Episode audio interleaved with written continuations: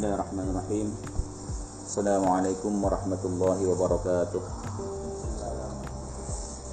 بسم الله الحمد لله ولا حول ولا قوة إلا بالله أشهد أن لا إله إلا الله وحده لا شريك له وأشهد أن سيدنا ونبينا محمدا عبده ورسوله الذي لا نبي بعده اللهم صل على سيدنا محمد الفاتح لما أغلق والخاتم لما سبق ناصر الحق بالحق والهادي إلى صراطك المستقيم وعلى آله حق قدره ومقداره العظيم. قال الله تعالى في كتابه الكريم وهو أصدق القائلين أعوذ بالله السميع العليم من الشيطان الرجيم. رب اشرح لي صدري ويسر لي أمري واحلل عقدة من لساني يفقه قولي أما بعد. Halaman 65 ya. Bismillahirrahmanirrahim. Al-hadithu sadis wal ishruna Utawi hadis kang kaping 6 wal ishruna lan rong puluh Artinya hadis yang ke-26 An Abi Hurairah radhiyallahu anhu qala riwayat saking Abi Hurairah radhiyallahu taala anhu qala wis dawu sapa Abu Hurairah radhiyallahu anhu rupane dawuh qala. Wis ngendika sapa Kanjeng Nabi Muhammad sallallahu alaihi wasallam? Sapa Rasulullah sallallahu alaihi wasallam? Gusti Rasulullah sallallahu alaihi wasallam.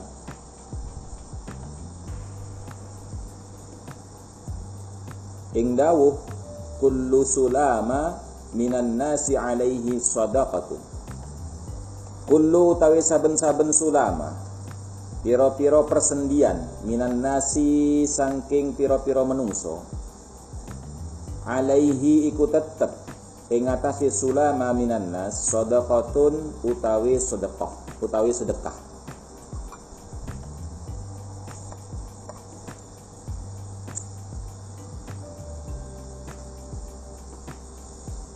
Kullu sulama utawi saben-saben persendian minan nasi sangking piro-piro menungso alaihi iku tetep ing atase. Sulama minan nas sadaqatun utawi sedekah. Kulla yaumin ing dalem saben-saben dinoni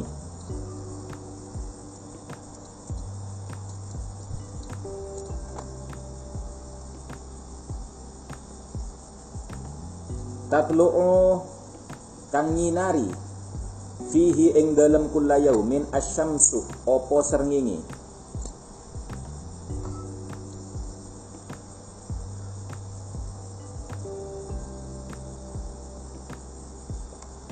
ta'dilu baina snaini sadaqatun.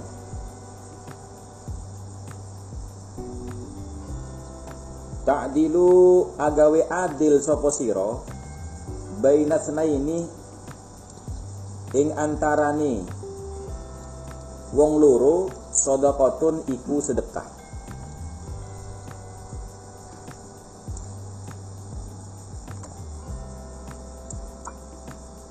Ta'dilu tur agawe adil sapa sira? Bainasnaini iku tetep ing dalem antarane wong loro sedekatun utawi sedekah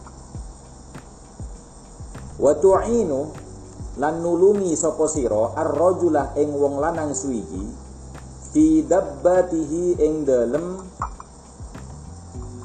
kewan tunggangane ar-rajulah wong lanang suwiji.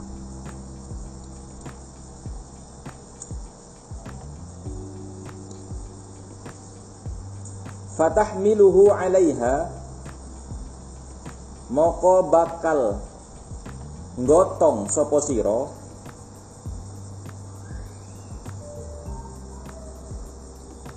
Hu ing wong lanang alaiha ing atase dabbatihi kewan tunggangane wong lanang. Au tarfa'u utawa ngangkat sapa sira lahu kedue wong lanang alaiha ing atase dabbatihi kewan tunggangane wong lanang. Mata'ahu ing artone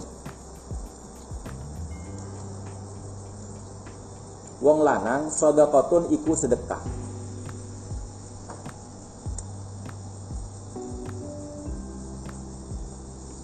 Wal kalimatu tayyibatu sadaqatun. Dan utawi kalimat at tayyibatu kang becik sadaqatun iku sedekah. Wa bi kulli khatwatin dan iku tetep ing dalem saben-saben langkah. Tamsyiha kang lumaku sapa sira ha ing langkah ila sholati tumeka maring salat Sodakotun iku sedekah Wa tumitul ada lan ngilangaken sapa sira al ada ing bahaya anit tariki saking dalan sedekatun iku sedekah. Rawahu wis ngriwayataken hu ing hadis sapa al Bukhari Imam Bukhari wa Muslimun lan Imam Muslim. Kelewat? Kelewat? Enggak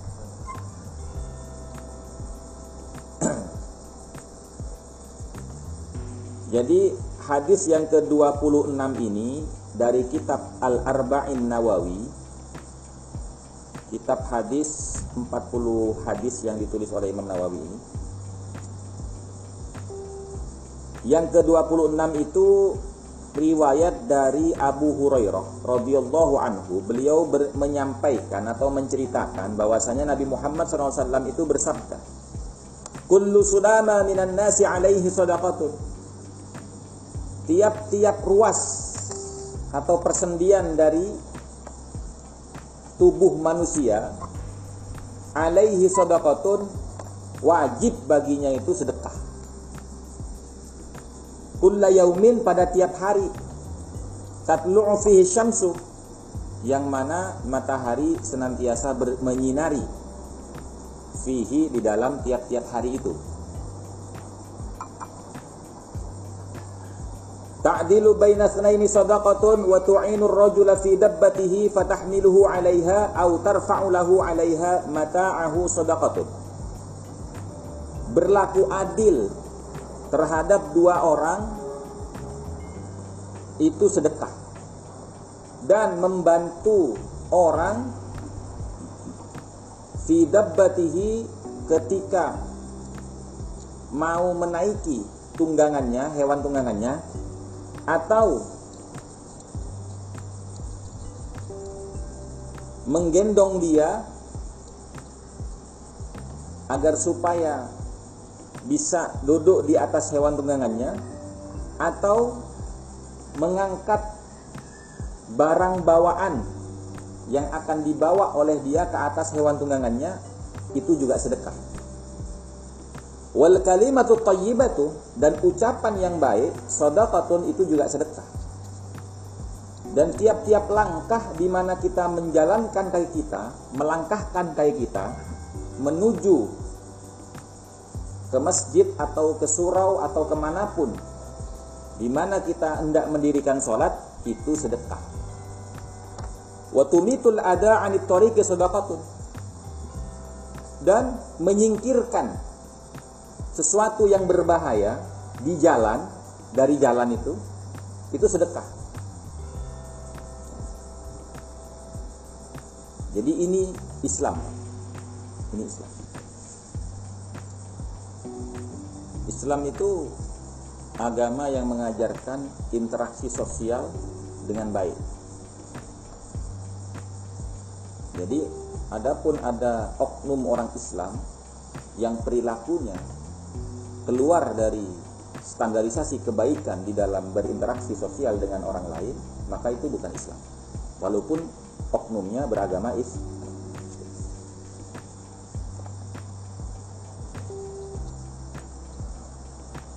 Qauluhu sallallahu alaihi wasallam kullu kullu sulama minan nasi alaihi sadaqatun. Adapun sabdanya Nabi Muhammad SAW yang disebutkan di atas tadi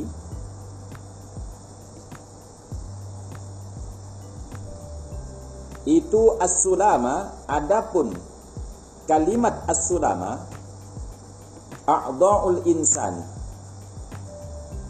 iku as-sulama utawi as-sulama a'dha'ul insani iku anggota awake menungso anggota tubuhnya manusia. Baik yang tampak di luar maupun yang ada di dalam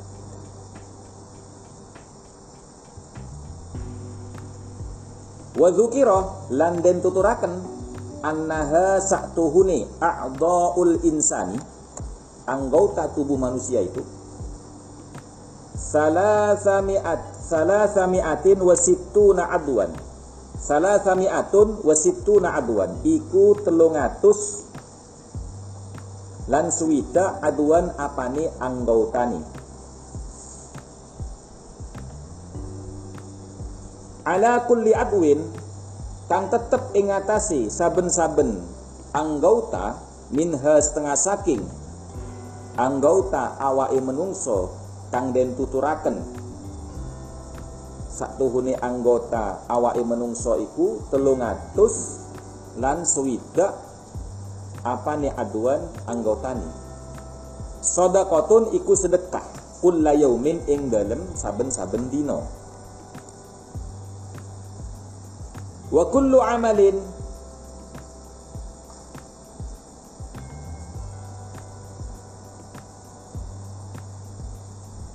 Wa kullu amali birrin.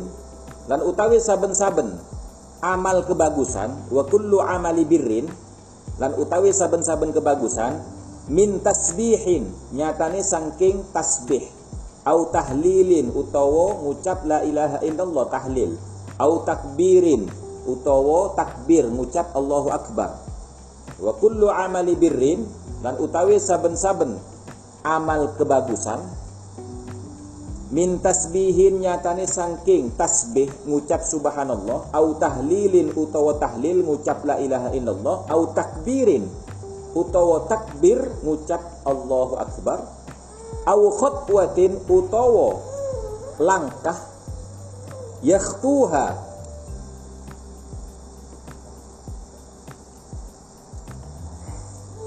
kang bakal ngelangkah. Sapa wong ha ing khutwah ila sholati. Tumeka maring salat sedekatun iku sedekah.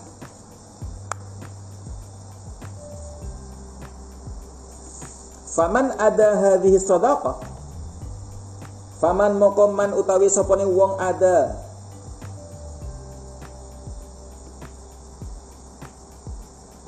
Iku nekani sapa man hadhihi sadaqah ing ikilah sedekah fi awwali yaumihi ing dalem kawitane dina niman. Fakot moko temen-temen ada wis nekani sapa man zakat badanihi ing zakate awake man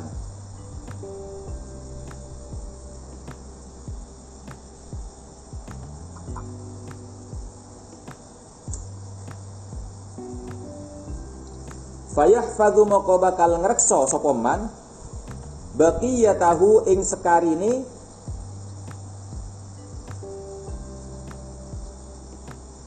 awa iman badani.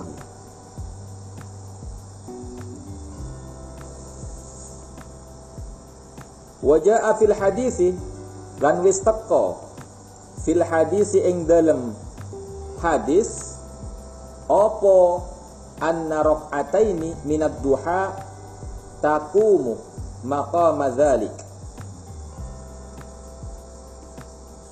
Inna rak'ataini saktuhuni rong rakaat minad duha nyatane saking salat duha. Takumu iku jumeneng.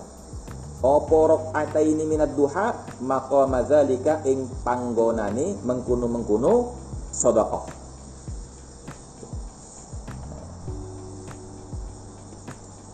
Wa fil hadisi lan iku tetap ing dalam hadis. Yaqulullahu ta'ala wis dawu sapa Allah taala? Allah taala kang maha luhur ya Allah. Rupane dawuh yabna adam. Hei anak putu adam sallili salato sira li maring ingsun. Arba'a raka'atin ing papat. Piro-piro rakaat? Fi awwali yaumin fi awwalil yaumi ing dalem kawitane dina akfika moko nyukupi sapa ingsun ka ing sira. Sallili salato sira li maring ingsun. Arba'a rakaatin ing papat pira-pira rakaat fi awwalil yaumi ing dalem kawitane dina akfika moko nyukupi sapa ingsun ka ing sira. Fi awwalil yaumi ing dalem kawitane dina. Wa akfika lantur bakal nyukupaken sapa ingsun ka ing sira akhirahu ing akhire dina. Dari pagi sampai so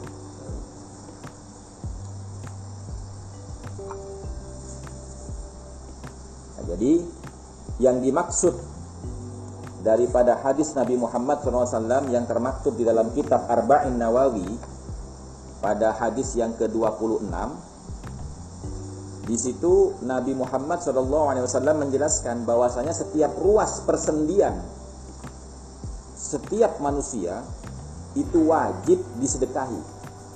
Wajib disedekahi. Tiap hari. Tiap hari.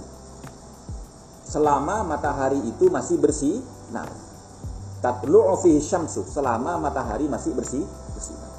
Artinya apa? Selama hidup di dunia kan. Kalau sudah mati ya enggak loh.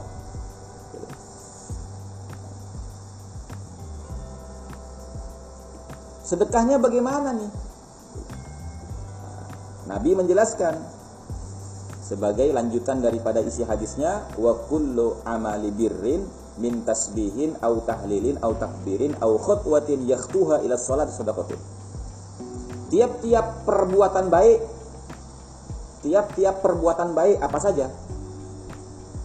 Min tasbihin baik itu mengucapkan tasbih subhanallah au tahlil la ilaha illallah au takbir Allahu akbar au khutwatun au khutwatin yakhtuha ila salati atau langkah kaki yang dilangkahkan menuju untuk pelaksanaan sholat sadaqatun itu semua terhitung sedekah Faman ada hadhihi sadaqah fi awal yaumihi faqad ada zakata abdan badanihi fayahfadhu baqiyatahu. Barang siapa orang yang sudah menunaikan kewajiban sedekah ini pada permulaan harinya maka dia betul-betul telah menunaikan kewajiban zakat badannya. Maka tinggal orang itu menjaga bagian yang lain gitu maksudnya gimana? Ibadah itu kan ada ibadah mahdoh ada gairu mahdoh.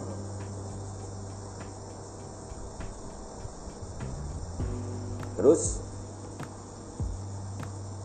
apa namanya ibadah itu tidak hanya dilihat dari format ritualnya. Karena ada hadis Nabi yang termaktub dalam kitab Ta'lim Muta'lim yang kemarin kita kaji di Anchor itu kan.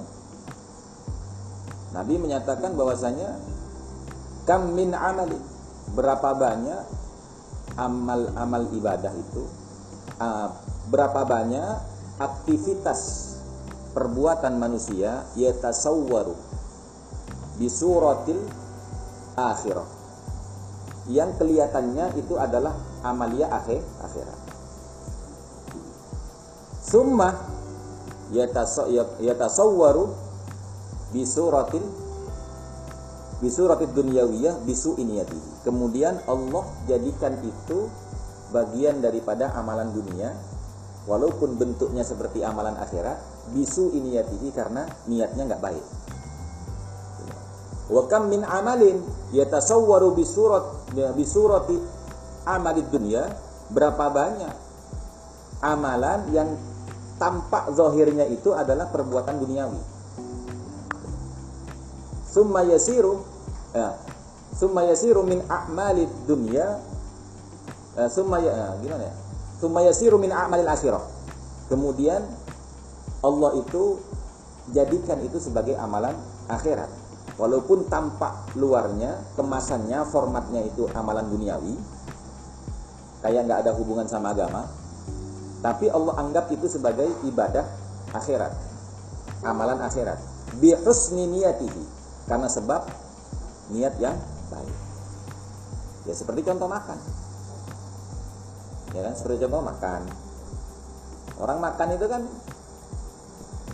kebutuhan jasmani kan artinya tidak ada hubungan dengan akhirat loh akhirat nggak butuh makan kan gitu loh gitu loh. rohani kita juga nggak butuh makan kan yang butuh makan itu kan jasmani kita gitu. tapi ketika kita mengucapkan Bismillahirrahmanirrahim mengikuti anjuran Nabi yang mana di dalam doa itu ada doa syukur kepada Allah Subhanahu wa taala. Maksudnya syukur bagaimana? Kan kalau kita makan itu dianjurkan membaca doa. Bismillahirrahmanirrahim. Allahumma barik lana fima razaqtana wa qina adzabannar. Mau makan sendirian, doanya tetap Allahumma barik lana.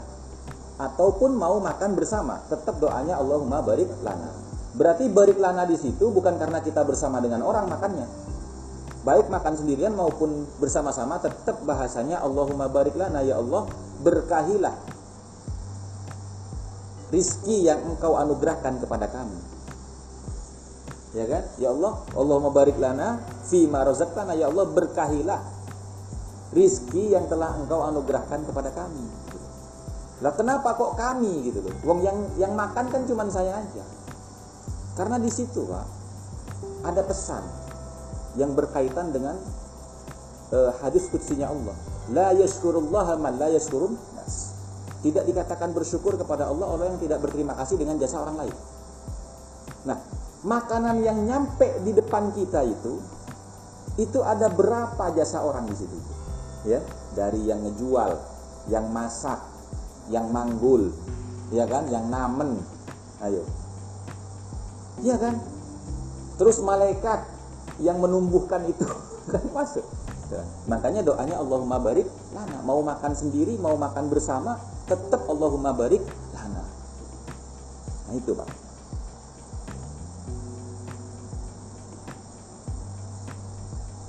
Jadi amal ibadah itu jangan hanya ngelihat kepada formatnya format penting karena Allah menentukan format ibadah seperti apa. Tapi jangan kita itu terlena dengan formatnya saja. Tapi pesan yang terkandung dari ibadah itu, dari ritual ibadah itu apa? Itu yang harus kita aplikasikan dalam kehidupan sehari-hari.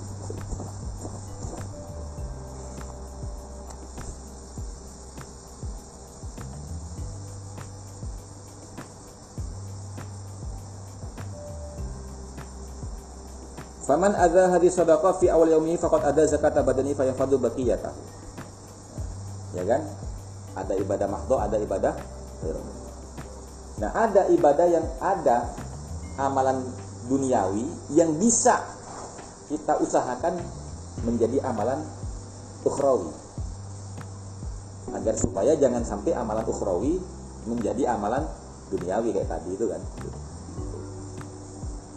Itu bayangkan itu baru makan tuh ya kan ngikutin anjuran Nabi untuk membaca doa yang kedua secara tidak langsung ketika kita mengikuti anjuran Nabi membaca doa itu kita juga meneladani firman Allah yaitu mensyukuri jasa-jasa orang lain agar supaya syukur kita diterima oleh Allah.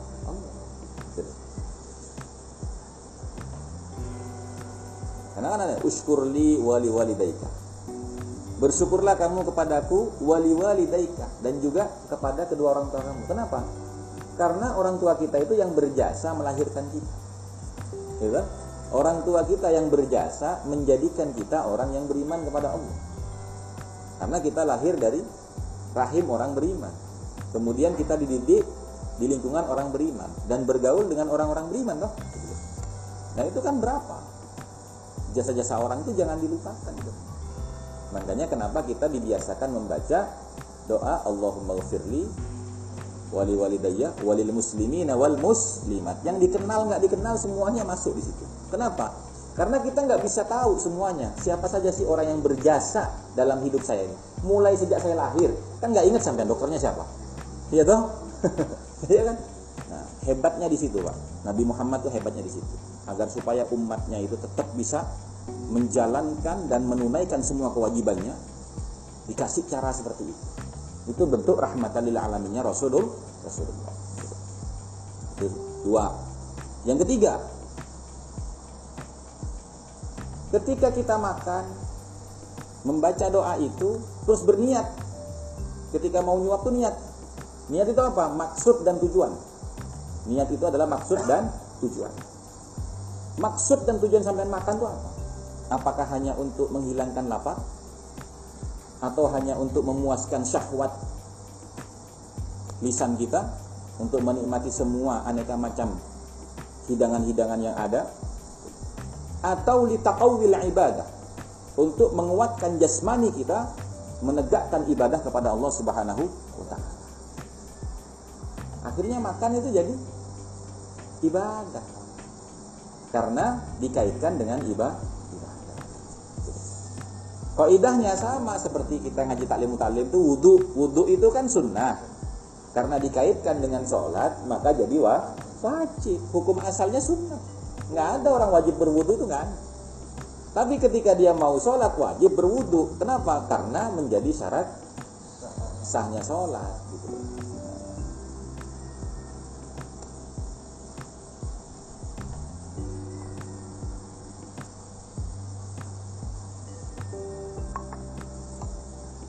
Kan begini. Uh,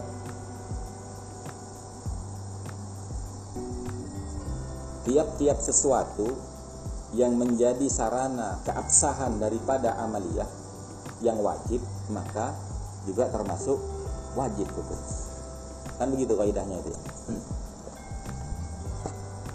Jadi sesuatu apa pun yang menjadi sarana untuk mendirikan atau terlaksananya ibadah yang wajib maka menjadi wa wajib gitu.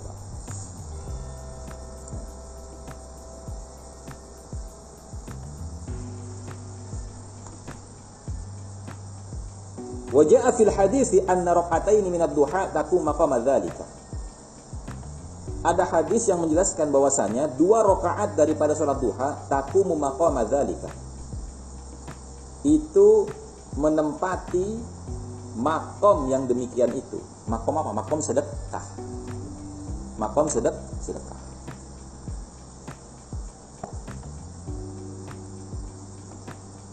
Jadi orang sholat duha dua rakaat itu sudah dianggap tunai. Apanya? Kewajiban zakat badannya.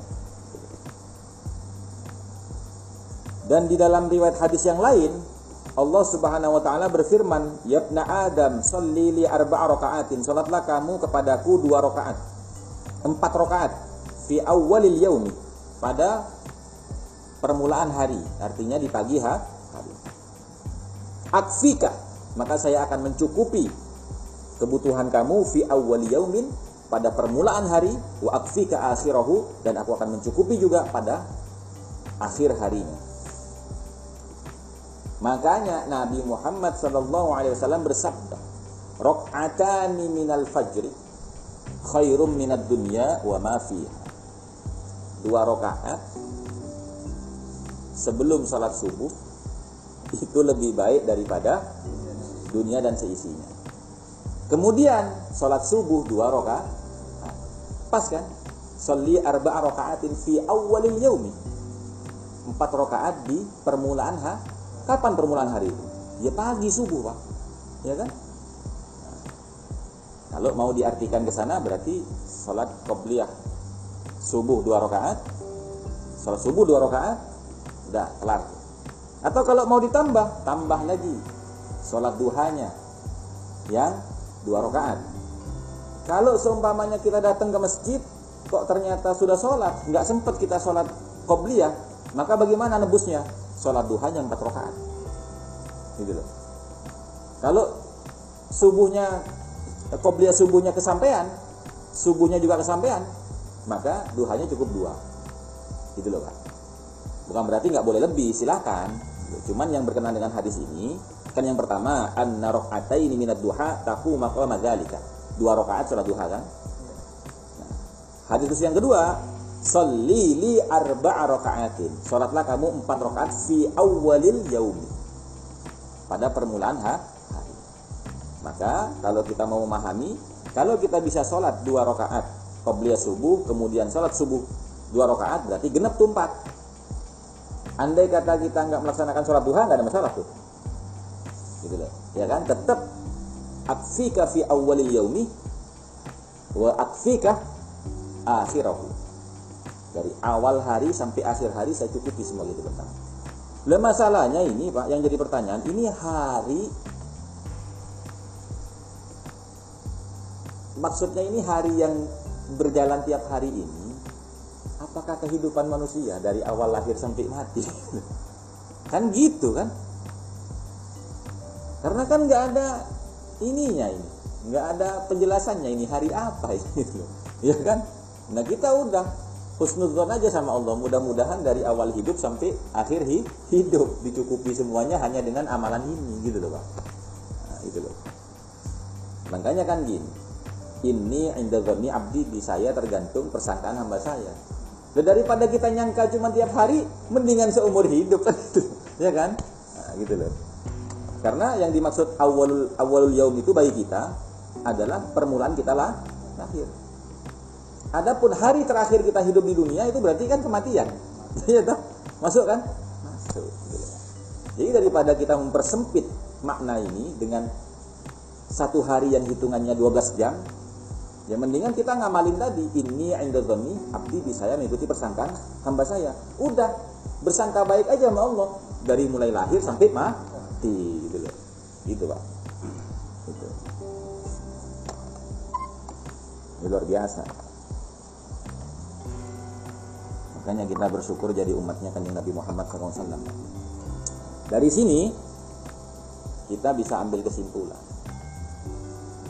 Kullu sulama minan nasi alaihi sadaqatun kulla yaumin tatlu'u fi syamsu. Tiap-tiap ruas persendian manusia itu wajib sedekah pada tiap-tiap hari selama matahari masih bersinar. Artinya sepanjang hidup kan. Artinya apa? Ibadah kita itu bukan untuk Allah, tapi untuk diri kita sendiri. Sendiri. Lah tergantung sampean. Sekarang hubungannya dengan ngaji apa? Gini Pak, kita itu kan nyewa ya. Jasad ini kita nyewa loh Pak. Jasad ini kita sewa. Lah uang sewanya itu disebut sedekah. Lah sampean nggak mau bayar uang sewa itu. gitu loh. Ya kan? Nah, sekarang pertanyaannya, sampean dikasih akal sehat. Dikasih pikiran yang lurus. Uang sewanya apa? Sedekah kan? Sedekahnya apa? Ngaji. Liizalatil jahli untuk membersihkan kebodohan-kebodohan supaya kita tidak menjadi orang yang mudah tersesat. Karena kebodohan itu yang bisa menyesatkan kita. Gitu loh, Pak. Paham maksudnya?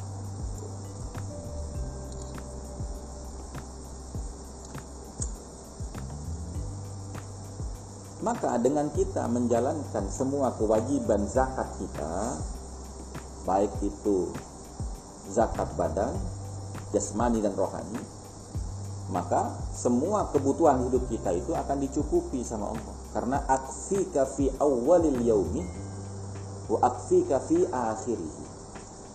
Allah akan mencukupkan kebutuhan hidup kamu dari awal sampai akhir.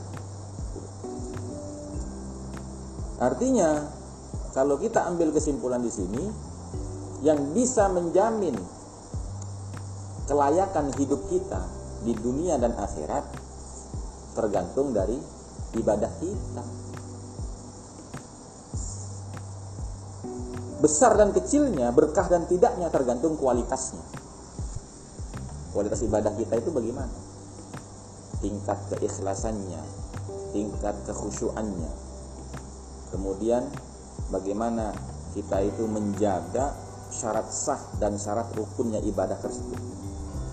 Tergantung itunya.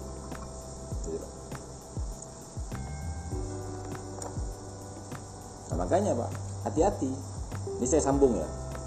Di dalam kitab Risalah Ahlus Sunnah wal Jamaah itu itu disebutkan di situ ada bab tentang wajibnya kita itu berhati-hati. Wajibnya kita berhati-hati di dalam mempelajari agama. Di dalam mencari ilmu itu harus hati-hati. Kenapa?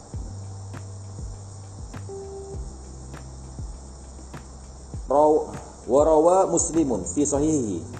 Imam Muslim meriwayatkan dalam kitab sahihnya. Anna Rasulullah sallallahu alaihi wasallam qala Sayakunu fi akhiri ummati unasun. Akan ada pada akhir zaman dari umat saya ini seorang manusia, sekelompok manusia yuhadditsunakum ma lam tasma'u antum wala aba'ukum Fa iyyakum wa iyyakum. Ada orang yang berbicara kepada kalian sesuatu yang tidak pernah sampean dengar dan juga tidak pernah orang-orang tua sampean dengar. Fa iyyakum wa iyyahum. Maka menjauhlah kamu. Wa iyyahum jauhilah mereka. Artinya apa, Pak? Statement atau ucapan orang itu yang dia kaitkan dengan agama itu ternyata tidak punya landasan referensi tidak bersanat. Karena apa sanat itu penting? Lagi-lagi saya sering mengucapkan Syekh Ibn Mubarak itu berkata al isnadu minad din sanat itu bagian dari agama. Laulal isnad kalau nggak bersanat laqala man syaa. Maka orang itu akan berbicara semaunya Wa fi sahih Muslim aidan anna Aba Hurairah radhiyallahu anhu yaqulu qala Rasulullah SAW yakunu fi akhir zaman dajjaluna kadzabuna. Akan ada di akhir zaman itu dajjal-dajjal kadzabuna tukang dusta tukang berbohong. Ya'tukum minal ahadithi bima lam tasma'u antum wala aba'ukum fa iyyakum wa iyyakum la yudillunakum wa la yaftinunakum. Mereka itu akan mendatangi kalian dan membicarakan hadis-hadis tentang apa yang tidak pernah sampean dengar maupun orang tua sampean dengar. Jauhi mereka, jangan dekati mereka. La yudillukum maka orang-orang itu tidak akan menyesatkan kamu sekalian wala yaftinunakum dan tidak akan menjadi fitnah bagi kalian. Wa fi sahih Muslim aidan an Umar Ibn al-As radhiyallahu anhu qala inna fil bahri syayatina masjunatan sesungguhnya di dalam lautan itu ada beberapa setan-setan masjunatan yang terpenjara Ausaqaha Sulaiman bin Dawud yang mana Nabi Sulaiman merantai mereka di dalam laut, di dasar laut, Nabi Sulaiman bin Daud itu merantai setan-setan itu di dalam laut, di penjara dalam laut, dirantai. Yushiku an takhruja fataqra'a 'ala nasi Qur'anan. Hampir saja mereka itu bisa terbebas, bisa keluar dari penjara yang dibikin oleh Nabi Sulaiman di dasar laut. Fataqra'a 'ala nasi Qur'anan. Kemudian mereka akan membacakan kepada tiap-tiap manusia itu Quran. Quran. Maksudnya bagaimana ini hadis ini? Qalan Nawawi rahimahullahu taala maknahu Imam Nawawi menjelaskan maksud daripada hadis ini antaqra'a syai'an laisa biqur'anin kamu akan membaca sesuatu laisa biqur'anin padahal itu bukan bagian daripada Al-Qur'an Watakulu innahu Qur'anun dan kamu menyatakan bahwa itu adalah bagian dari Quran. Tujuannya apa? Litagurra bihi awaman. Untuk memperdaya bihi dengan sesuatu yang kalian ucapkan bukan Quran tapi kalian katakan Quran itu untuk memperdaya orang-orang awam dari kalangan manusia. Nah ini sejalan dengan dawuhnya Ibnu Rusdi. Ibnu Rusdi itu adalah seorang ulama. Beliau ngarang kitab, saya punya kitabnya itu namanya Bidayatul Mujtahid wa Nihayatul Muqtasid. Kitab tentang empat mazhab. Beliau pernah mengatakan begini. Uh, aratta an tatahakkama fi jahilin. Kalau kamu ingin menguasai orang-orang bodoh, orang bodoh di sini maksudnya orang awam. Fa'alaika an tughlafa kulla batilin bi ghilafi dini. Maka kamu harus membungkus keburukan-keburukan itu dengan bungkus agama. Karena orang awam itu nggak bisa bedain, Pak. Mana yang hak, mana yang batil. Karena keterbatasan keilmuan dan pengetahuannya. Yang bisa mengetahui dia itu orang batil atau tidak itu adalah para ulama. Maka demi untuk menyelamatkan umat Nabi Muhammad dari perilaku orang-orang seperti ini, maka Nabi itu memerintahkan kita. Kun aliman, jadilah kalian itu orang-orang yang berilmu. Au mustami'an, atau kalau enggak bisa, au muta'alliman, atau kalau kalian belum bisa menguasai ilmu, jadilah kalian itu orang-orang yang belajar ilmu. Kenapa? Karena kalau belajar ilmu kan pasti kumpul sama ulama. Ada apa-apa pasti dijaga sama ulama kan. Jangan pak itu salah. Kan begitu pasti kan? Nah, kalau nggak bisa jadi ulama karena belum menguasai ilmunya maka jadilah orang yang belajar kepada ulama. Au mustami'an. Gitu deh ya. Kalau tidak punya kemampuan untuk belajar karena nggak punya harta untuk beli sarana belajar misalkan buku pena dan segala macam kitab-kitabnya. Atau mungkin ketidakmampuan kita karena tidak ada waktu. Kesibukan kita ngurus rumah tangga. Yang mana ngurus rumah tangga juga kewajiban toh. Sehingga kita tidak bisa maksimal belajar ilmu. Kita bisanya hanya seminggu sekali nggak bisa tiap hari maka mustami'an jadilah orang yang men seneng dengerin pengajian-pengajian ilmu au muhibban atau kalau misalkan jadi orang alim nggak bisa karena belum menguasai ilmunya. Jadi pelajar nggak bisa karena kesibukan kita padat sehingga kita cuma punya waktu sehari dalam seminggu. Atau kita nggak punya sarana prasarana untuk mengaji seperti penanya, bukunya, kitabnya dan nggak punya uangnya. Maka jadilah pendengar. Kalau dengerin aja nggak bisa karena kita mungkin terlalu fakir miskin gitu ya sehingga sibuk jadi kuli nggak punya media apa pun untuk bisa mendengarkan walaupun dari jarak jauh ya kan pun muhibban jadilah orang yang mencintai orang yang punya ilmu orang yang belajar ilmu dan orang yang senang mendengarkan pengajian ini. Wala takunil khamis jangan jadi kelompok yang keempat. Fatuh likah maka kamu akan menjadi orang yang celaka. Siapa? Orang yang nggak senang sama ulama nggak senang sama santri nggak seneng ngelihat orang dengerin pengajian gitu kan. Apalagi sama-sama nggak cinta sama saya. Itu saking Nabi pengen sampean tidak gampang disesatkan dan menjadi fitnah. Akhir zaman. Gitu, kan banyak kan? Yakunu fi akhir zaman dajjaluna kadzabuna ya'tuna minal ahadits bima lam tasma'u antum wala aba'ukum. Banyak. Padahal ayatnya tidak berkenaan dengan masalah A tapi di kait-kaitkan ya banyak toh. Ya, cari sendirilah. Yang paling masyhur itu kan contoh misalkan tahlil bid'ah. Kunut bid'ah. Ziarah kubur bid'ah. Itu kalau di dalam kitab Risalah Sunnah Jamaah ini disebutin di bab pertamanya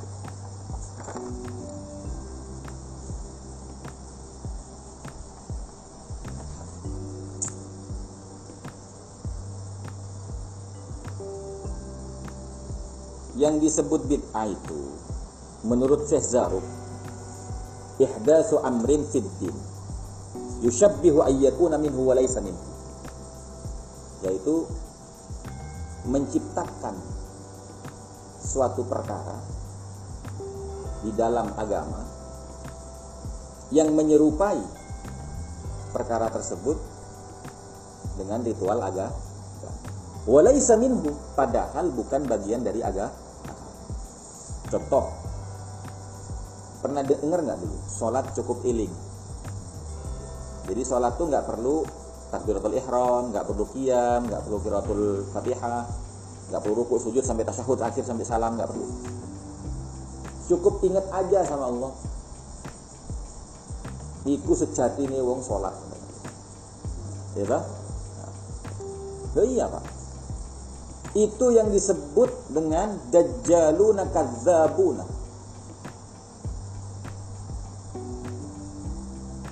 Yaquluna minal ahadis alladhi lam yasma'u antum wala aba'ukum.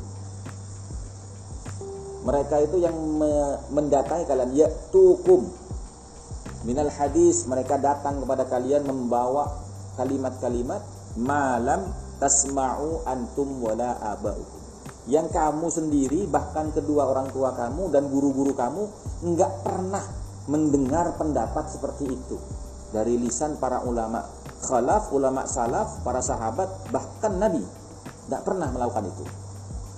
Ya toh, Nabi saja sholat itu sampai kakinya bengkak. Nah kok ini sholat cukup iling. Dalil mereka Aqimus sholat li dzikri. Dirikanlah sholat untuk mengingat saya. Dan kan tujuan sholat itu kan untuk ingat kepada Allah. Berarti ngapain? Kalau sujud ruku takbir itu semuanya formalitas itu. Intinya adalah ingat. Padahal kalimat ini nggak pernah diucapkan oleh Nabi Muhammad. Coba ingat itu perilaku zahir apa perilaku batin? Ingat itu. Batin kan? Padahal kita itu hidup di alam dunia. Diri kita ini terdiri dari dua unsur. Ruh dan jasad.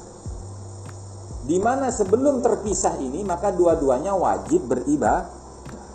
Lah kok mau dipisah? Berarti jasadnya nggak beribadah dong. Terus di mana letak syukurnya ini? Di mana dia bagaimana cara dia menunaikan sedekahnya tadi? Padahal setiap ruas persendian manusia itu ya kullu sudama minan nasi sedekah alaihi alaihi sedekah wajib ada sedekah. Sedekah itu apa Pak? bentuk rasa syukur kita kepada Allah. Dan ulama banyak yang menjelaskan dari hadisnya Nabi as-sadaqatu tadfa'ul bala. Sedekah itu bisa menghalangi kita dari datangnya musibah as-sadaqatu tadfa'ul as-sadaqatu bi asyri amsalihha sedekah itu akan dibalas 10 kali lipat. Makanya sesuai. Man shalla alayya asran sallallahu alaihi ya man shalla alayya marratan wahidatan sallallahu alaihi asran. Ya toh? Nah salawat itu kan termasuk sedekah.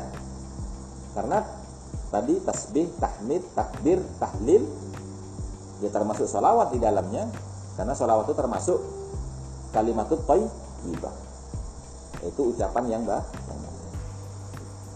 itu juga termasuk sedekah.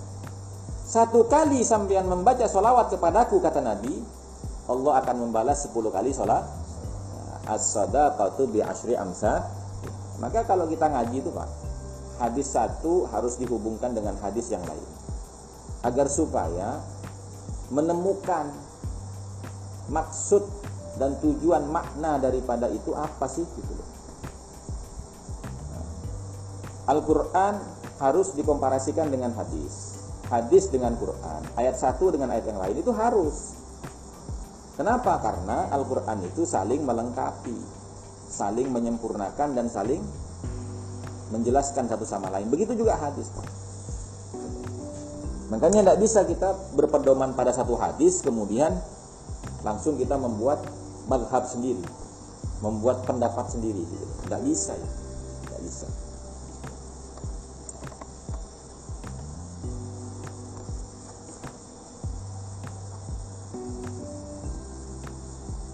Sawa'un kana bis surati aw bil haqiqah. Baik itu bentuknya atau hakikatnya.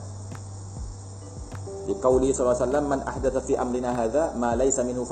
Barang siapa yang mengadakan fi amrina dalam urusan kami. Hadza ini ma laysa minhu fawaraddun. Yang mana perkara yang diada-adakan itu bukan bagian daripada urusan kami. Amrina di sini adalah agama, agama Nabi syariat Nabi. Fawaraddun maka tertolak oleh wa kullu muhdatsatin bid'ah. Dan tiap-tiap yang baru itu bid'ah nah di sini waqad bayyana ulama rahimahullahu al ma'na fil haditsaini al madhkuraini raji'un li taghyir al hukmi bi i'tiqadi ma laysa bi qurbatin qurbatan la mutlaq al ihdas Maksudnya apa? Maknanya hadis ini itu kembali kepada berubah-berubahnya hukum. Pergerakan hukum. Di mana bergeraknya hukum itu? Nah, begini. Bi'atiqadi ma laysa bi kurbatin kurbatan. Dengan meyakini apa yang bukan termasuk bagian ibadah sebagai ibadah. Itu baru. Hukumnya bid'ah dola dola. Jadi bid'ah bukan hukum. Tapi bid'ah itulah yang mempengaruhi pergerakan hukum.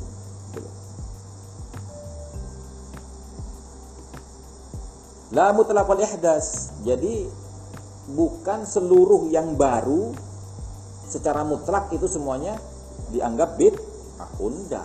Tidak begitu. Nah kalau begitu muka kita bid'ah. Tubuh kita bid'ah karena kan tidak hidup di zaman Nabi. Idh qad tanawalathu syari'atu bi usuliha karena sungguh tanawalathu syari'atu bi usuliha. Kalau usulnya syariat itu dapat ya kan, dapat usulnya dari syariat itu fayakunu raji'an ilaiha maka kita kembali kepada usulnya tadi. Au bi far'iha fayakunu muqisan 'alaiha atau dengan cabang-cabangnya dengan furuk-furuknya. Maka kita bisa mengkiaskan itu. Nah sekarang gini. Tahlil. Tahlil misalkan. Tahlil itu kan kalau kita tahu ritualnya adalah orang berkumpul bersama-sama, ya kan? Baik di masjid, di musola atau di rumah, baik dalam keadaan e, rutin tiap malam Jumat atau di lain malam Jumat atau ketika ada yang meninggal. Itu kan tahlil itu. Isinya adalah berkumpul bersama-sama, di dalamnya berzikir kepada Allah ada nggak usulnya? Dalilnya ada nggak? Dalil asalnya ada. Majalasa kaumun majlisan. Yadhkuruna Allah fiha. Tidaklah sekelompok orang duduk bersama-sama dalam satu majlis. Yadhkuruna Allah fiha. Yang mana mereka bersama-sama berzikir kepada Allah illa hafathumul malaika kecuali malaikat turun membentangkan sayap menaungi mereka karena ridho terhadap mereka. Wa nazalat alaihi rahmah dan Allah menghujani tempat itu wa ghasiyat lahumur rahmah dan Allah menghujani bagi mereka yang duduk bersama-sama dalam rangka berzikir kepada Allah dengan hujan rahmat. Fi man indah dan Allah membangga-banggakan masing-masing orang yang duduk bersama-sama dalam rangka berzikir satu tempat itu dibangga-banggakan di hadapan para malaikatnya sebagai orang yang berzikir kepada Allah. Dalam hadis yang lain, redaksinya lain, cuman sama dalam satu kitab saya ambil dari kitab Bulughul Maram itu ada di bab terakhir tentang bab tentang masalah zikir dan doa.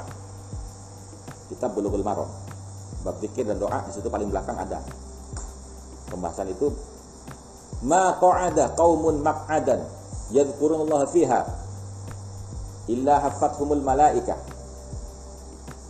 wa ghaziyat lahumur rahmah wa nazalat alaihimus sakinah wa yakurullahu fi man indah sama duduk bersama-sama berzikir kepada Allah maka Allah akan malaikat akan turun menaungi mereka karena ridho senang sama perbuatan mereka. Dan Allah menghujani rahmat kepada orang tersebut. Wa nazalat alaihimus sakinah dan Allah menurunkan ketentraman kedamaian dalam pribadi masing-masing orang yang hadir di situ. Bayangkan sampean pulang dari majelis zikir itu ya baik itu formatnya tahlilan ataupun istighosahan ataupun apa yang penting zikir. Berarti usulnya ada kan? Tidak bisa dibid'ahkan kalau begitu. Wong usulnya ada kok. Gitu. walaupun kan gini sawaun kana bisurati aw bil haqiqah baik itu bentuknya atau hakikatnya ya kan? Suratnya bagaimana? Oh gambaran kalau sekarang itu orang tahlilan itu adalah kematian. Oke. Okay. nggak ada kan di zaman Nabi kan? Hakikatnya. Ada nggak? Zikir kan? Syaratnya kan dua. Kalau nggak surahnya formatnya maka hakikatnya inti daripada ritual itu apa kalau keluar dari agama ya tidak boleh. Gitu kan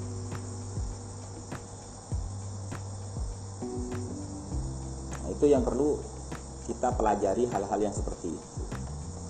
Makanya kan saya sering bilang coba amaliyah yang menjadi tradisi sejak zaman orang-orang tua kita itu seperti tahlilan, seperti maulitan, seperti apa namanya yasinan, terus seperti uh, zikir ba'da sholat atau solawatan sebelum adzan, eh setelah adzan sebelum iqomah. Itu sampean pelajari dalilnya, pelajari dalilnya. Terus ziarah kubur, dalilnya tuh pelajari. Terus pesan yang terkandung situ apa sih? Karena apa? Karena di luar sana itu banyak orang yang mencoba menyesatkan kita dengan hal-hal yang kita nggak tahu. Tapi menjadi tradisi dalam hidup kita tapi kita nggak tahu landasan hukumnya. Gitu nah itu yang jadi senjata mereka. Dajjalun atadzabun ini senjata mereka. Dajjal-dajjal yang tukang dusta ini. Nah itu Pak. maka hati-hati cukup ya.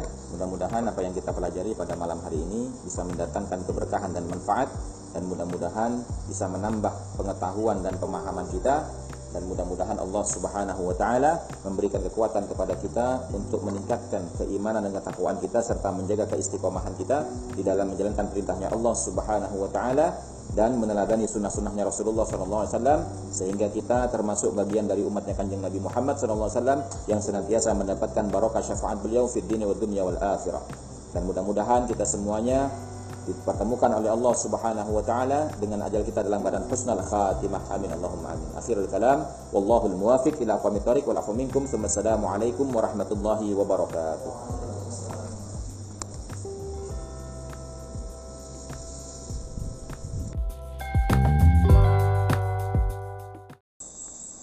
Bismillahirrahmanirrahim Al-haditsus sabi'u wal 'ishruna Adapun hadis yang ke-7 dan 20. Artinya hadis yang ke-27. Al-hadisus sabi'u wal 'ishruna. Utawi iki iku hadis as-sabi'u kang kaping 7 wal 'ishruna lan 20. Artinya hadis yang ke-27.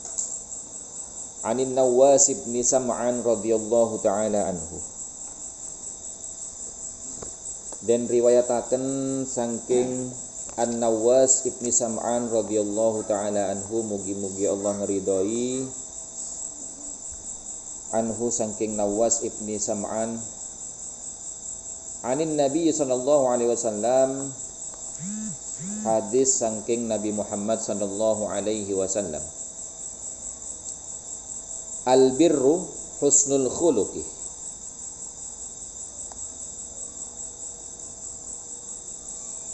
Al birru husnul khuluqi wal ithmu ma haka fi nafsika wa karihta ayyat tali'a alaihi nasu rawahu muslimun albirru utawi bakti husnul khuluqi iku baguse piro-piro kelakuan. Wal ismu lan utawi duso iku mabarang hakah. Kang ngresahaken apa ma barang fi nafsikah ing dalem awak sira. Wa karihta lan wis sengit sapa sira ayat tali'ah. Ing yen to nilii alaihi. Ing atase al ismu ma haka fi nafsika annasu sapa pira-pira menungso.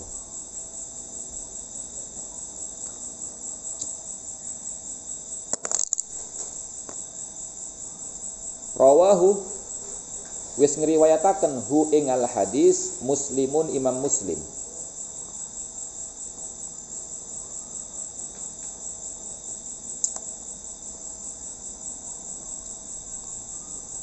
Wa an wasi wa an wa bisata wa an wa bisata ibn Ma'badin radhiyallahu taala anhu. Qala. Lan den riwayataken saking Wabisah ibni Ma'bad radhiyallahu taala anhu mugi-mugi ngridhoi Allah sapa Allah taala sifat Allah maha luhur anhu saking Wabisah ibni Ma'bad. Qala wis dawuh sapa Wabisah Ataitu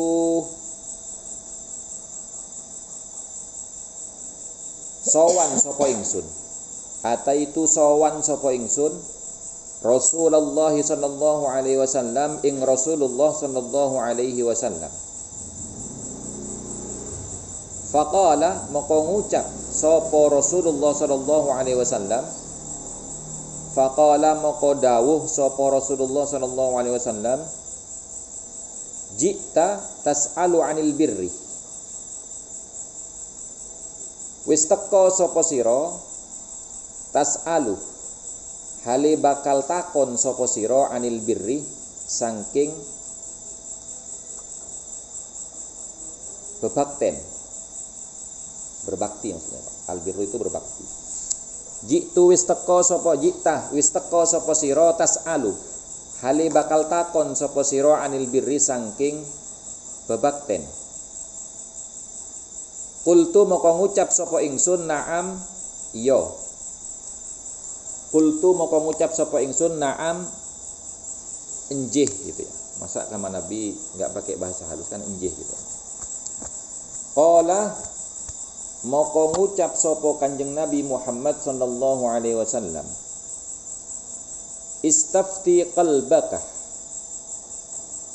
Njaluk fatwa sapa sira qalbaka ing ati sira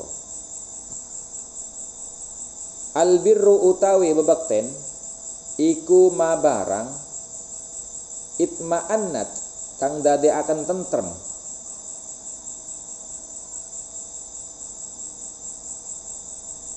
Ilaihi maring ma barang an nafsu opo nafsu.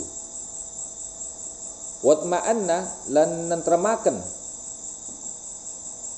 Ilaihi maring ma barang al qalbu opo ati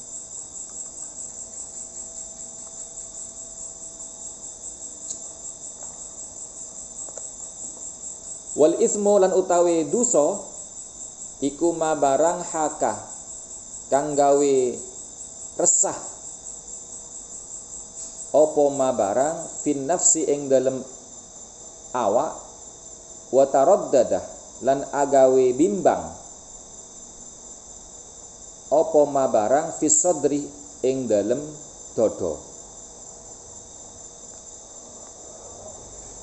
wa in aftakan nasu lan senajan paring fatwa ka ing sira annasu sapa menungso wa aftauka lan padha beneraken sapa annasu ka ing sira? Hadisun utawi hadis hadisun utawi iki hadis hasanun iku hasan hadisun utawi iki hadis hasanun iku hasan bagus. Rawaina wis ngriwayataken sapa kita hu ing hadis fi musnadayil imamaini. Ing dalem kitab musnad loro ni al imamaini. Imam loro rupane al imamaini Ahmad bin Hanbal wad Darimi bi isnadin hasanin Imam Ahmad ibni Hambal Wad-Darimi lan Imam Ad-Darimi bi isnadin hasanin kelawan sanad kang bagus.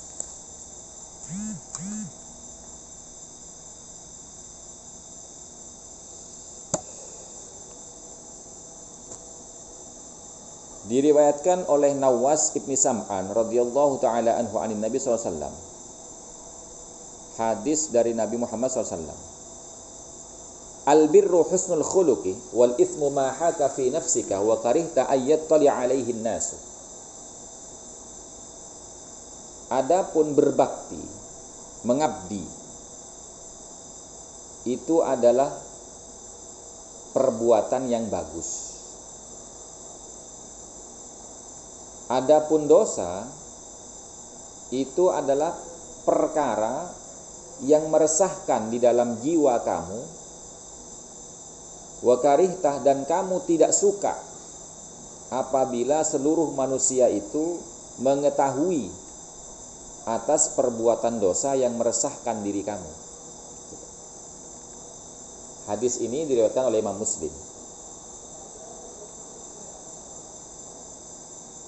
Dan dari Wabisa ibni Ma'bad beliau berkata, saya menghadap kepada Rasulullah SAW Kemudian Rasulullah berkata, bersabda, engkau datang dengan tujuan akan bertanya tentang albirri, yaitu berbakti.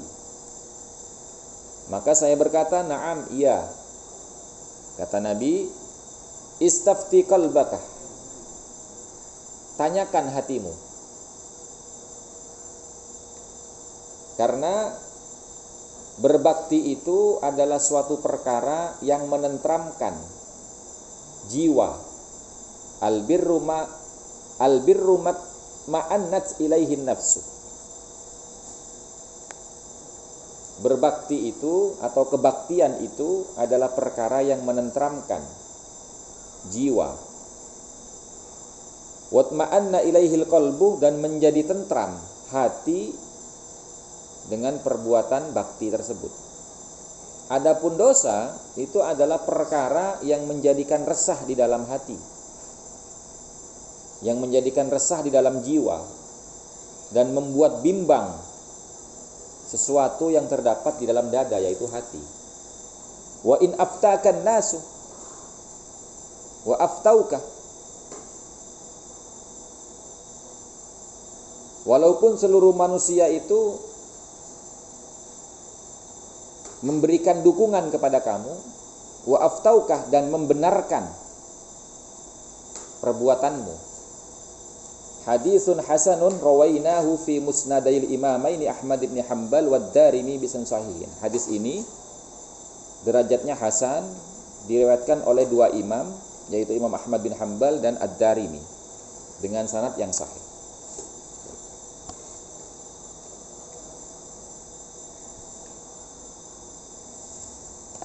Jadi Pak, hadis yang ke-27 ini itu menjelaskan perbedaan antara sikap bakti dan sikap melanggar atau dosa. Berbakti kepada siapa pun itu. Wabil khusus berbakti kepada Allah, kepada Rasulullah dan kepada kedua orang tua. Itu adalah sikap yang baik. Adapun dosa itu adalah sesuatu yang membuat diri kita itu nggak tenang dan kita nggak senang takut khawatir kalau orang lain tahu akan perbuatan yang kita rahasiakan itu dosa jadi cirinya kalau kita berbuat kebaikan itu pasti akan membuat diri kita tenang nyaman tentram damai itu berarti perbuatan kita itu termasuk perbuatan yang berbakti.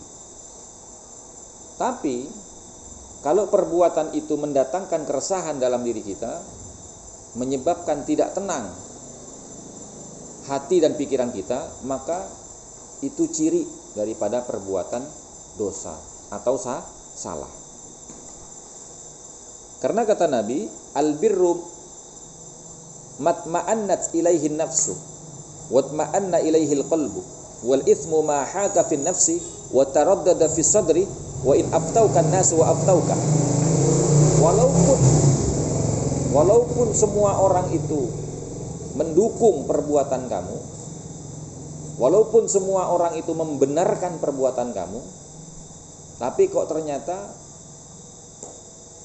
perasaan dalam diri dan pikiran gak tenang setelah berbuat yang seperti itu walaupun mendapatkan dukungan dari orang banyak dan dibenarkan oleh orang banyak, maka itu ciri perbuatan yang sah, salah.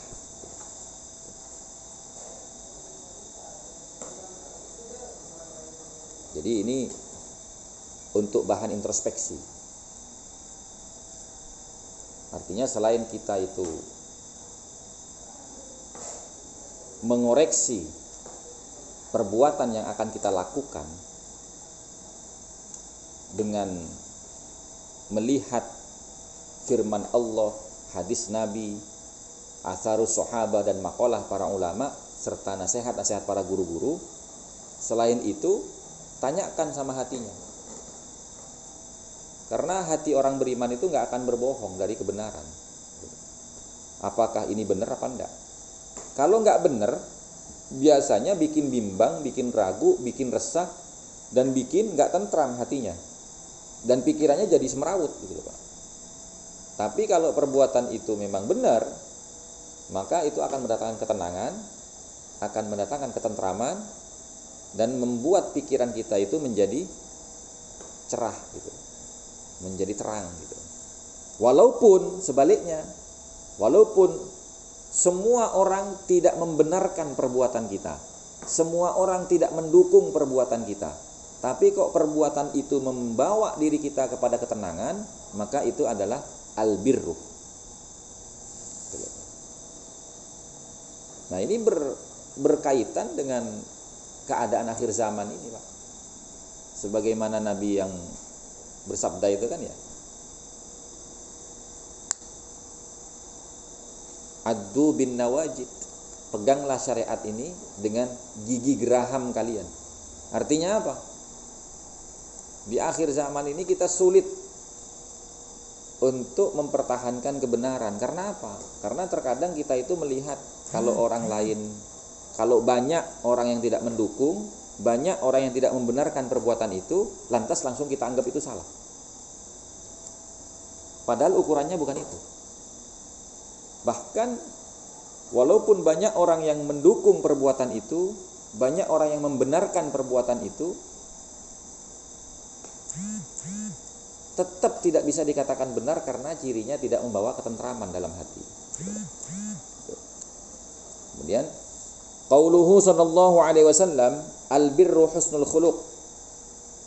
Adapun sabdanya Nabi Muhammad SAW albirru husnul khuluq wa qad taqaddama al-kalamu fi husnul khulqi dan sungguh telah berlalu pembahasan fi husnul khulqi di dalam akhlak yang baik. Akhlak yang baik itu apa sih Pak? puncaknya adalah min husni islamil mar'i tarkuhu ma la. Min husni islamil mar'i tarkuhu ma la. Tidak berbuat sesuatu yang sia-sia, yang tidak ada kepentingan untuk menyelamatkan kita di dunia sampai akhirat. Qala Ibnu Umar Wisdawu sopo Ibnu Umar? Abdullah bin Umar putra daripada Sayyidina Umar bin Khattab radhiyallahu taala anhu. Al birru amrun hayyinun. Al birru utawi pengabdian iku amrun atau bebakten iku amrun perkara hayyinun. Kang agawe gampang. Opo amrun? Wa wajhu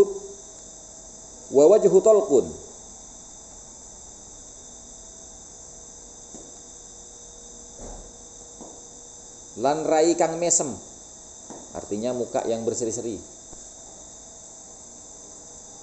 Walisanun layyinun.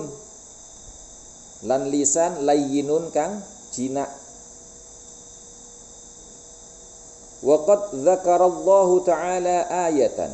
Lan teman-teman zakara wis nuturaken. Allahu sapa Allah taala sifati Allah kang maha luhur ya Allah ayatan ing ayat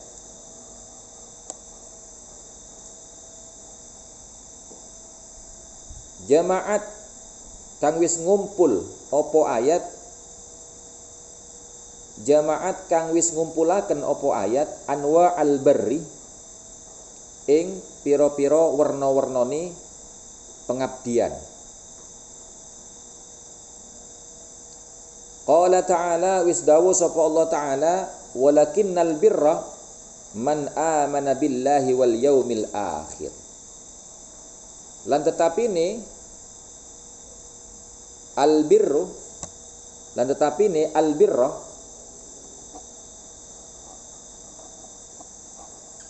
sifat pengabdian iku man sopone wong iku man utawi sopone wong amana iku wis iman sapa man billahi maring Allah wal yaumil akhir lan dina kang akhir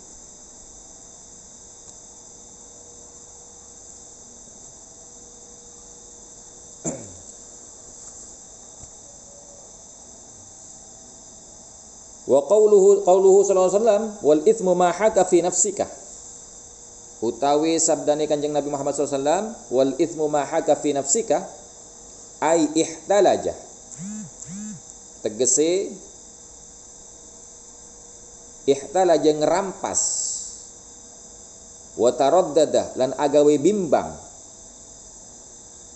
walam yatma'inna lan ora dade akan tentrem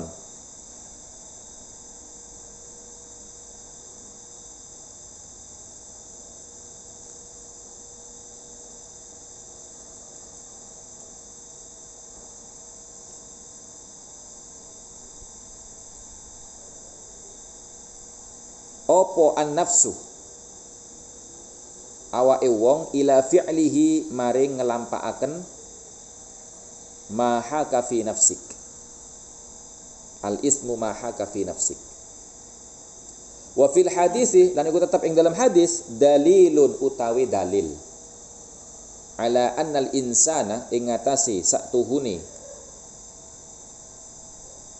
menungso yuraji'u qalbahu. Iku bakal bali sapa menungso qalbahu ing atine al insan idza arada al iqdamah. Idza nalikane arada ngarepaken sapa insan al iqdamah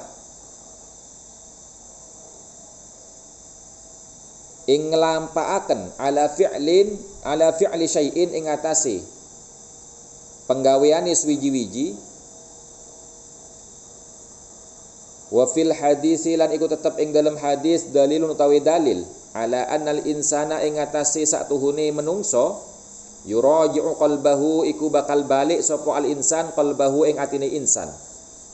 Idza nalikane arada ngarepaken sapa insan al ikdama ing ngelampaaken ala fi'li syai'in ing atase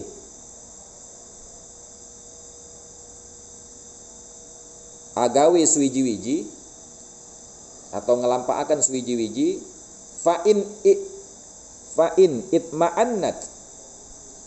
Moko lamun itma'annat dadi akan tentrem alaihi ing atase al ikdam ala fi'li syai'in an nafsu opo awak. Fa'alahu moko ngelampaaken sopo insan hu ing al iqdam ala fi'li sayin wa illam yatma'innu moko lamun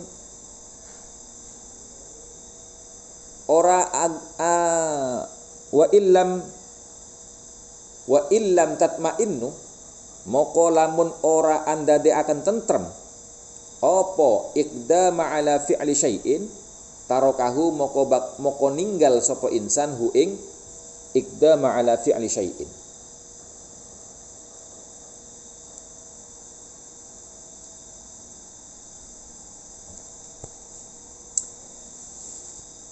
Jadi alhamdulillah Ibnu Umar ini memberikan pencerahan kepada kita apa sih albirru itu Albirru itu adalah amrun hayyinun.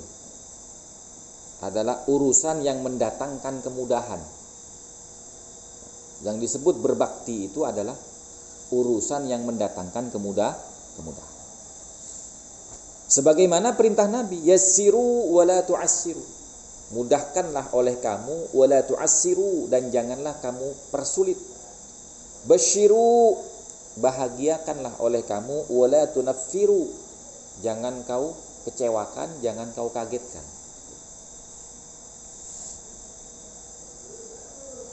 Wa wajhu talqun dan bermuka berseri-seri mukanya itu.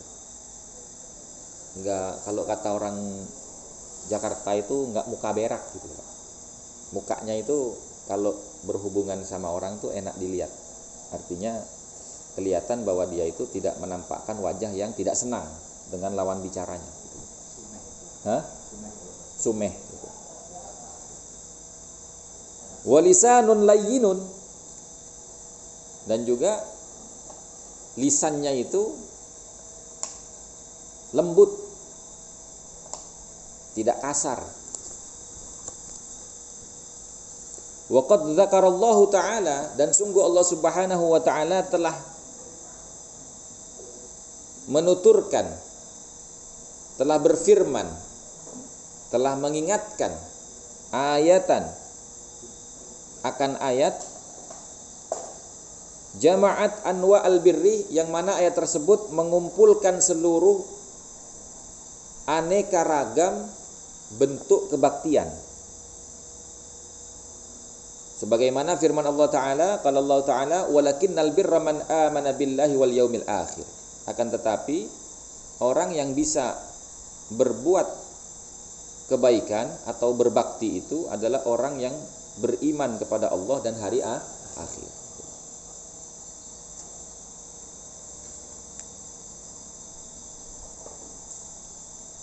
Adapun maksud daripada al-ithmu ma haka fi nafsika dalam hadisnya Nabi yaitu ai ihtalaja wa taraddada wa lam yatma'inna wa lam yatma'innun nafsu ila fi'lihi yaitu perkara yang bisa merampas atau menjadikan bimbang. Merampas apa? Merampas ketenangan, merampas ketentraman. Wataraddada dan menjadikan bimbang dan menghilangkan ketentraman di dalam diri ketika mengerjakan perbuatan tersebut. Itu ciri-ciri adalah perbuatan do, dosa. Dan di hadis ini itu menjadi dalil, menjadi alasan bahwasanya manusia itu harus kembali kepada hatinya.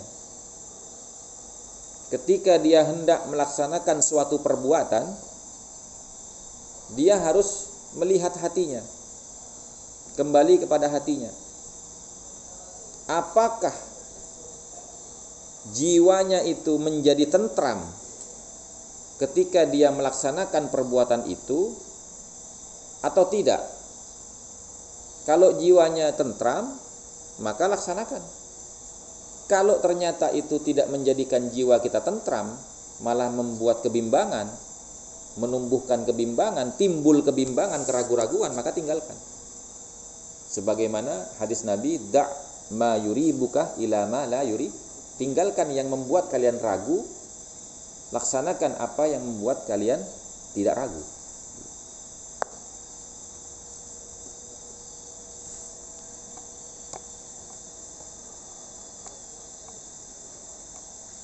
Misalkan termasuk berbakti itu Pak, amrun hayyinun. Amrun hayyinun. Kira-kira kalau misalkan nih sampean semua teman-teman DKE masjid ini ketika sholat Jumat akan dimulai di hari Jumat itu kan kita bersih-bersih ya. Dibersihin semua itu. Terus dikasih wangi-wangian gitu kan. Nah, kira-kira perbuatan itu itu termasuk berbakti atau tidak? Maka kita lihat Kira-kira orang itu kalau masuk ke dalam masjid untuk melaksanakan sholat, dia merasa nyaman nggak karena bersih, karena rapi, karena wangi. Terus kita mengerjakan itu, ketika sudah mengerjakan itu, merapikan masjid, membersihkan masjid dan membuat wangi masjid, hati kita jadi tentram nggak? Seneng nggak hati kita itu? Nah itu berarti ciri-ciri perbuatan itu termasuk perbuatan berbakti perbuatan baik. Adapun perbuatan buruk itu misalkan kalau kita berbuat sesuatu misalkan nih sampean habis pengajian kayak gini nih kan ada makanan, ada minuman, ada camilan macam-macam itu. Habis ngaji pulang tanpa membersihkan sisa-sisa makanan dan sampah yang berserakan di tempat kita mengaji tadi. Kira-kira ketika kita tinggalkan begitu saja, itu membuat hati kita bimbang atau enggak? Nyaman atau enggak? Nah kalau enggak nyaman berarti ya itu perbuatan yang enggak baik. Gitu.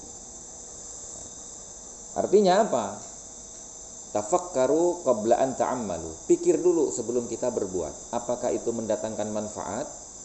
Yang mana ciri daripada kemanfaatan yang betul itu adalah mendatangkan ketentraman dalam diri kita, mendatangkan kedamaian dalam hidup kita dan membuat pikiran kita itu menjadi terang gitu loh.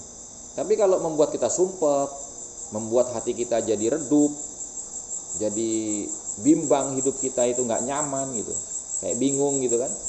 Berarti itu ada suatu perbuatan yang tidak baik yang sudah kita lakukan. Pernah kan di antara kita itu pasti pernah mengalami semua. Kok tiba-tiba perasaan saya nggak enak, pikiran saya bimbang gitu, tapi nggak tahu mau mau ngapain gitu loh. Ada apa gitu loh, kita nggak tahu, tapi perasaan tuh nggak tenang aja gitu.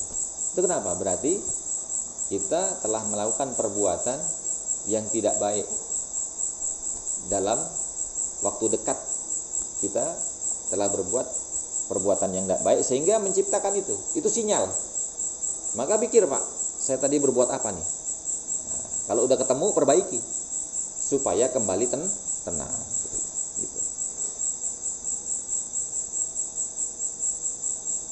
Dan orang yang bisa berbuat kebaikan atau orang yang bisa berbakti kepada Allah itu dan kepada Rasul dan juga kepada yang lain-lain yang diperintahkan oleh Allah Subhanahu wa taala itu hanya orang yang beriman saja.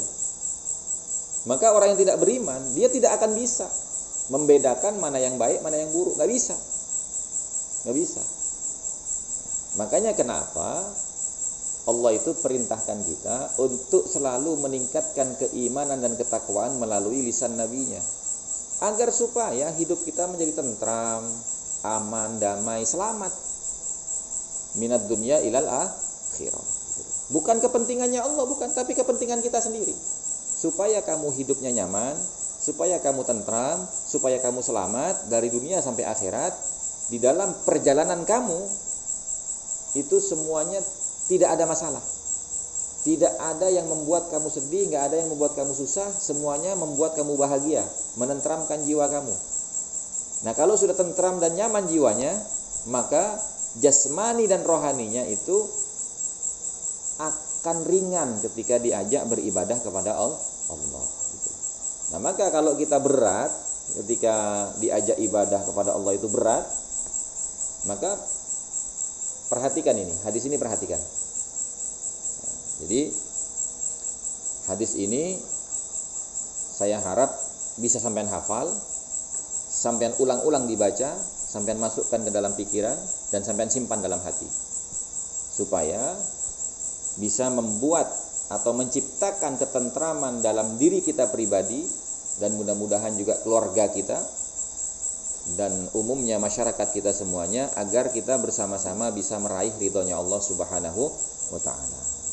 Cukup sampai di sini. Mudah-mudahan apa yang kita pelajari pada malam hari ini bisa mendatangkan keberkahan dan manfaat dari Allah Subhanahu wa taala dan mudah-mudahan bisa menambah pengetahuan dan kefahaman kita sehingga kita bisa mempertahankan keistiqomahan kita di dalam menjalankan perintahnya Allah Subhanahu wa taala dan meneladani sunnah-sunnahnya Rasulullah Sallallahu Alaihi Wasallam dengan harapan kita dijadikan oleh Allah Subhanahu wa taala menjadi bagian daripada umatnya Kanjeng Nabi Muhammad sallallahu alaihi wasallam yang senantiasa mendapatkan barakah syafaat beliau fid dini wa dunya wal akhirah. Dan mudah-mudahan Allah pertemukan kita semuanya dengan ajal kita dalam keadaan husnal khatimah. Amin Allahumma amin. Akhirul kalam wallahul muwafiq ila aqwamit thariq wal afu minkum. Thumma assalamu alaikum warahmatullahi wabarakatuh.